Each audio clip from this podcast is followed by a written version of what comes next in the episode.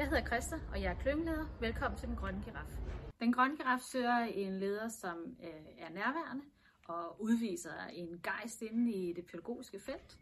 Så søger Den Grønne Giraf en leder, som øh, formår at understøtte og udvikle den pædagogiske kvalitet. Øh, en leder, som har fokus på, at børnene trives og udvikles. Det er en leder, som skal være dybt fokuseret på arbejdsmiljøet i Den Grønne Giraf for at vi kan stille pædagogerne bedst muligt til at kunne udføre øh, det gode relationsarbejde sammen med børn. Øh, den Grønne Giraf er et øh, fantastisk børnehus at være. Der er en børnehavegruppe og en vuggestue, eller vuggestuegrupper, øh, som samarbejder på kryds og på tværs.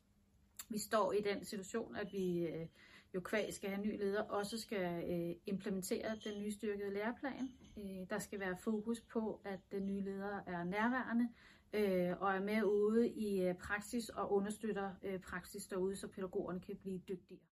Du skal være uddannet pædagog, øh, gerne med ledelseserfaring. Øh, det vil være et plus, hvis du også har en lederuddannelse, og har du ikke en lederuddannelse, så er det en mulighed også at kunne øh, at, at tage, mens du er leder i den grønne giraf. Øh, du bliver en del af et ledelsesteam, hvor at der er øh, fire andre pædagogiske ledere.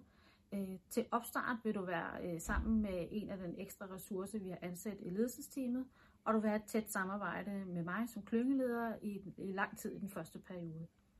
Jeg håber, du har lyst til at sende en ansøgning.